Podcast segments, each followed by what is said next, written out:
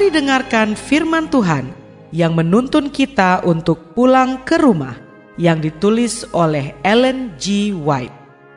Melalui renungan pagi ini, kita akan belajar untuk berani menghadapi masa depan karena kita tidak lupa pimpinan Tuhan di masa yang lalu.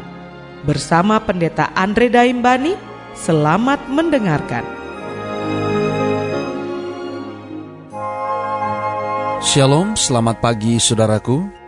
Renungan pagi kita hari ini 28 Juni berjudul Menanggung konsekuensi dari keputusan yang diambil. Ayat intinya diambil dari 1 Yohanes 3 ayat 24. Demikian firman Tuhan. Barang siapa menuruti segala perintahnya, ia diam di dalam Allah dan Allah diam di dalam dia. Mari kita dengarkan penjelasannya.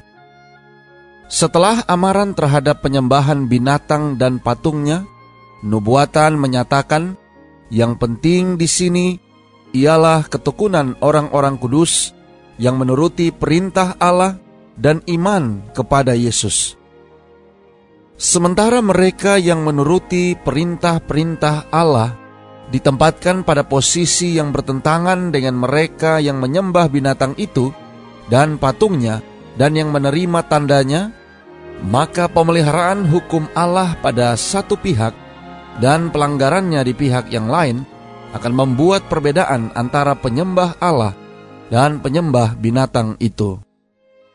Ciri-ciri khas binatang itu dan dengan demikian juga patungnya adalah pelanggaran kepada perintah-perintah Allah. Daniel berkata mengenai tanduk kecil kekuasaan keagamaan ini, ia berusaha untuk mengubah waktu dan hukum. Dicatat dalam Daniel 7 ayat 25. Dan Rasul Paulus menggolongkan kekuasaan yang seperti itu kepada manusia durhaka yang meninggikan dirinya melebihi Allah. Nubuatan yang satu melengkapi nubuatan yang lain. Hanya dengan mengubah hukum Allah kekuasaan keagamaan ini dapat meninggikan dirinya melebihi Allah.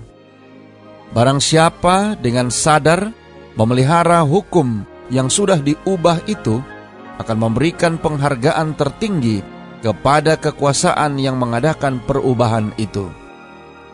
Tindakan penurutan kepada hukum-hukum kekuasaan agama seperti itu adalah kesetiaan dan kepatuhan kepada pemimpin agama tersebut yang menggantikan kedudukan Allah. Kekuasaan keagamaan ini telah berusaha untuk mengubah hukum. Hukum yang kedua, larangan penyembahan berhala, telah dihapuskan dari hukum itu, dan hukum keempat telah diubah untuk menyetujui secara resmi pemeliharaan hari pertama gantinya hari ketujuh sebagai hari sabat.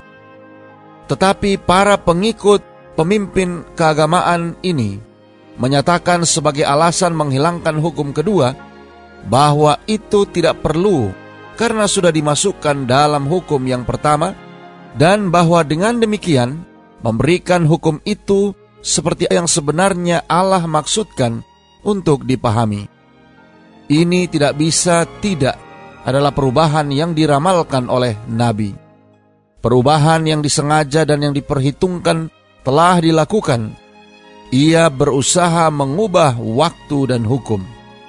Perubahan pada hukum keempat tepat sekali menggenapi nubuatan itu. Oleh karena ini sajalah otoritas dari gereja. Di sini, kekuasaan keagamaan ini dengan terang-terangan menempatkan dirinya di atas Allah.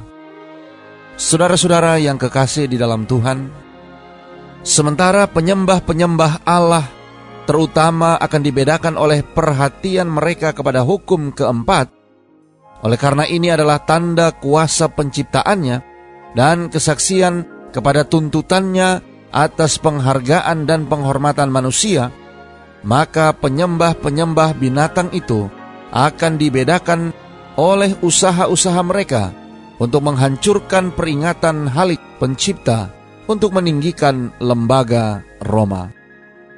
Alfa dan Omega jilid 8, halaman 466 dan 467. doa kita hari ini. Bapa, terima kasih. Melalui renungan pagi ini, kami boleh belajar bagaimana menanggung konsekuensi dari satu keputusan yang diambil.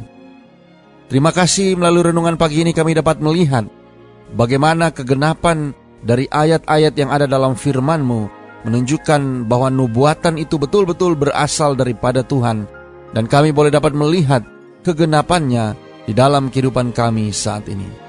Tolong kami hari ini Bapa, biarlah dengan pertolongan kuasa roh kudusmu, kami boleh dapat disanggupkan untuk selalu menuruti segala perintahmu, dan biarlah ini boleh menjadi bukti bahwa kami boleh diam berada bersama engkau, dan engkau berada di dalam kami.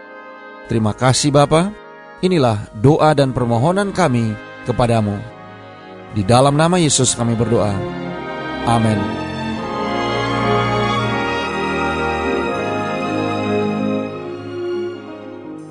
Demikianlah tadi pembahasan tentang pulang ke rumah.